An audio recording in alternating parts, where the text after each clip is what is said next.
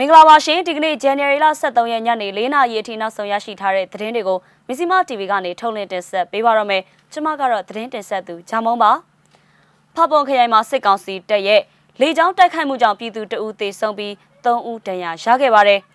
ရေစကြိုးရေလက်ကျွန်းဒေသမှာရှိတဲ့ပျောက်ကြားတက်ခေါင်းဆောင်ရဲ့နေအိမ်အပါအဝင်ဒေသခံတွေရဲ့ဆိုင်ကယ်45စီးမိရှုခံခဲ့ရပါတယ်ကြောက်စဲမြို့နယ်မှာအရက်ဝတ်နဲ့တရင်ယူနေတဲ့စစ်သား2ဦးပြစ်ခတ်ခံရတဲ့ထဲက တဦးကတော့တေဆုံးသွားပါတယ်ဒီသတင်းတွေနဲ့အတူစစ်ကောင်ဆောင်မင်းအောင်လိုင်းတဝယ်မြို့ကနေထွက်သွားဖို့လူငယ်တွေဆန္ဒပြတဲ့အကြောင်းကိုလည်းတင်ဆက်ပေးပါမယ်ရှင်။ကရင်ပြည်နယ်ဖပွန်ခရိုင်တမဟာငါနယ်မြေထဲမှာရှိတဲ့ဒွေလုံးမြို့နယ်တဲကရွှေညောင်ပင်ကျေးရွာကို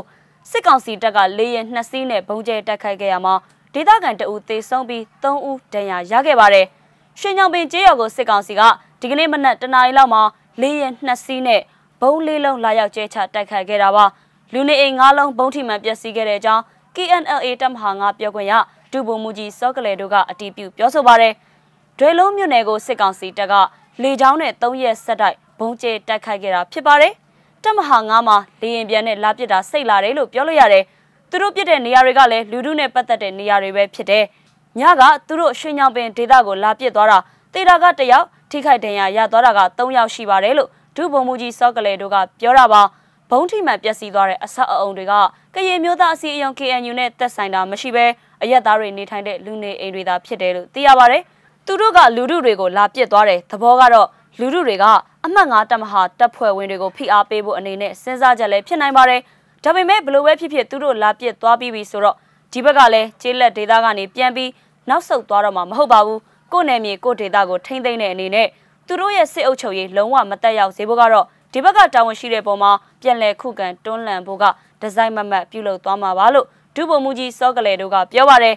စစ်အာဏာသိမ်းပြီးတဲ့နောက်ခုခံတော်လှန်တိုက်ပွဲတွေကြောင့်စစ်ကောင်စီတပ်ကတနိုင်ငံလုံးအတိုင်းအတာနဲ့စစ်မျက်နှာဖွင့်ထားရချိန်မှာမြေပြင်စစ်ကြောင်းတွေအထိနာနေတဲ့အတွက်လေကြောင်းအကူပြီးရန်တမ်းပစ်ခတ်မှုတွေပြုလုပ်နေတာဖြစ်တယ်လို့လည်းသူကသုံးသပ်ထားပါတယ်။ဒါအပြင်မနေ့ကလည်းဒွယ်လုံးမြို့နယ်လဲထူဖို့ဝါခါတဲ့နဲ့ထွေသီးဦးကျေးရွာတွေနားကိုအာနာသိန်းစစ်တပ်က လေရင်၃စီးနဲ့ဘုံငါလုံးကျဲချတက်ခိုက်ခဲ့ပါသေးတယ်။စစ်ကောင်စီတပ်က KNU တပ်မဟာ9နဲ့တပ်မဟာ6နယ်မြေပြင်ကရင်ပြည်နယ်လွိုင်ကော်မြို့နဲ့စကိုင်းတိုင်းတဲကိုလည်းလေကြောင်းနဲ့အင်အားသုံးဘုံကျဲတက်ခိုက်တာတွေပြုလုပ်နေတာဖြစ်ပါတယ်ရှင်။မကွေးတိုင်းရေစကြိုမြို့နယ်ရေလေကျွန်းဒေသမှာရှိတဲ့လှေခုတ်ရွာက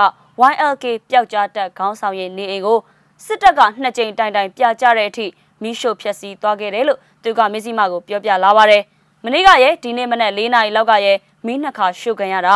အကုန်ပြကြတဲ့ထဲပါသွားတယ်အတွင်းပစ္စည်းမီးစက်တွေရောလက်သမားပစ္စည်းတွေရောဘာဆိုဘာမှမကြံအောင်လောင်သွားတာဒလန်သတင်းပေးလို့ခဏခဏအရှုပ်ခံရတာလို့သူကပြောပြပါတယ်ဒါ့ပြင်အဲ့ဒီရွာကဒေသခံပြည်သူတွေပိုင်တဲ့ထော်လာကြီးအပါဝင်ဆိုင်ကယ်45စီးလဲမိရှို့ဖျက်ဆီးခံခဲ့ရပါတယ်နေအိမ်အလုံး90နီးပါးရဲ့အိမ်တွင်းပစ္စည်းတွေလည်းဖျက်ဆီးခံရတာတံမိုးကြီးပစ္စည်းနဲ့ရွှေထဲငွေသားတွေကိုလည်း အကျန်းဖက်စစ်တပ်ကခိုးယူတဲဆောင်သွားတဲ့အကြောင်းဒေသခံတွေစီကသိရပါတယ်လှေခုတ်ရွာကိုဝင်ရောက်စီးနင်းသွားတဲ့စစ်ကောင်စီတပ်ဖွဲ့ဝင်အင်အား58ဦးကမနေ့ကရွာထဲမှာရှိတဲ့နေအိမ်တချို့ကိုလည်းမိရှို့ဖျက်ဆီးတဲ့အပြင်နီးစပ်ရာရွာတွေမှာရှိတဲ့အိမ်တွင်းပစ္စည်းတွေကိုပါလူရက်ဖောက်ထွင်းတည်ဆောင်တာတွေကိုပြုလုပ်ခဲ့တာပါလက်ရှိအခြေအနေအရအဲ့ဒီစစ်ကြောင်ပြန်ပြီးနိုင်ပိုင်းအတော်ကြာမှပဲထွက်ပြေးတင်းရှောင်နေကြတဲ့ဒေသခံရွာသားတွေကရွာတွေကိုအတီးတီးပြန်ကြတာဖြစ်တယ်လို့လည်းသိရပါတယ်အဲ့ဒီစစ်ကောင်စီတပ်ဖွဲ့က January လ10ရက်နေ့မှာညောင်ပင်ရွာနဲ့ဝဘိုးရွာတို့ကိုစစ်ကြောင်းစထိုးတာပါမြေတော်စခန်းမှာတညာအိပ်ပြီးနောက်ရက်မှာလှေခုတ်ရွာနဲ့ရေရားရွာကြားဒေသရင်းပျောက်ကြားတပ်ဖွဲ့တွေနဲ့နှစ်ဖက်တိုက်ပွဲဖြစ်ခဲ့ပါတယ်။အဲ့ဒီတိုက်ပွဲပြီးတဲ့နောက်မှာတော့စစ်ကောင်စီတပ်သားအများအပြားတေဆုံးတာကြောင့်တိုက်ပွဲအနီးမှာရှိတဲ့လှေခုတ်ရွာကိုဝင်ရောက်စီးနင်းဖျက်ဆီးခဲ့တာဖြစ်တယ်လို့ဒေသခံတွေရဲ့ပြောကြားချက်အရသိရပါတယ်ရှင်။မန္တလေးတိုင်းကြောက်စဲခရိုင်တရားဦးမြို့နယ်ထဲမှာရှိတဲ့ မန္တလေးလေကြောင်းကာကွယ်ရေးတပ်ကအဖွဲ့ဝင်2ဦးကိုတနက်နဲ့ပစ်ခတ်ခဲ့ရမှာတဦးသေဆုံးသွားတယ်လို့ကြောက်စဲခရိုင်ကာကွယ်ရေးတပ်ဖွဲ့ KTDF ကထုတ်ပြန်ထားပါတယ်။အဲ့ဒီစစ်ကောင်စီတပ်သား2ဦးကမြင်းဆိုင်ကျေးရွာတွေကိုအရက်ဝတ်နဲ့တရင်ရယူနေတဲ့အကြောင်းကြောက်စဲခရိုင်ကာကွယ်ရေးတပ်ဖွဲ့ကကြားသိရလို့၄ရက်စောင့်ကြည့်ပြီးစုံစမ်းခဲ့တာပါ။အဲ့ဒီနောက်မနေ့ကညနေ၄နာရီဝန်းကျင်လောက်မှာတော့ပြစ်ခတ်ခဲ့တာဖြစ်တယ်လို့သိရပါတယ်။သူတို့ရွာတွေကပြန်မှကျွန်တော်တို့လှုပ်လိုက်တာ အသွားကိုကျွန်တော်တို့အတီးပြုတ်ပြီးတော့အပြန်ကိုမြင်းဆိုင်နဲ့စစ်တက်သွားတဲ့လမ်းမှာကျွန်တော်တို့လှုပ်ခဲ့တာကျွန်တော်တို့အမြန်လမ်းပေါ်ကနေစောင့်ပြီးသူတို့စခန်းပြန်တဲ့လမ်းမှာဆိုင်ကယ်နဲ့လိုက်တယ်တက်စခန်းနာရောက်တော့ကျွန်တော်တို့ရင်ပေါင်တန်းမိတဲ့အချိန်အတူနဲ့ပြစ်လိုက်တာပါလို့ကြောက်စက်ခရိုင်ကာကွယ်ရေးတပ်ဖွဲ့ KTDF ခေါင်းဆောင်ကပြောပြပါရယ်မန္တလေးလေကြောင်းကာကွယ်ရေးတပ်ကရန်ကုန်မန္တလေးကားလမ်းရဲ့အရှိတ်အောင်သာကျေးရွာနဲ့မြင်းဆိုင်ကျေးရွာကြားမှာတည်ရှိတာပါအဲ့ဒီစစ်ကောင်စီတပ်ဖွဲ့ဝင်2ဦးက စံကဲနဲ့မြင်းဆိုင်ကျေးရွာကနေတပ်စခန်းကိုပြန်တဲ့အချိန်တပ်စခန်းကအရောက်မှာတော့ပြစ်ခတ်ခံရတာပဲဖြစ်ပါတယ်နောက်မှလိုက်ပါစီးနေတဲ့တပ်ဖွဲ့ဝင်ကနှစ်ထင်ဘဲဘက်ချန်ကြီးထိမှန်ပြီးနေရာမှာပဲပွဲချင်းပြီးတည်ဆုံသွားပါတယ်ကျန်တဲ့ဆိုင်ကယ်မောင်းသူတဦးကတော့လွတ်မြောက်သွားတယ်လို့သိရတာပါ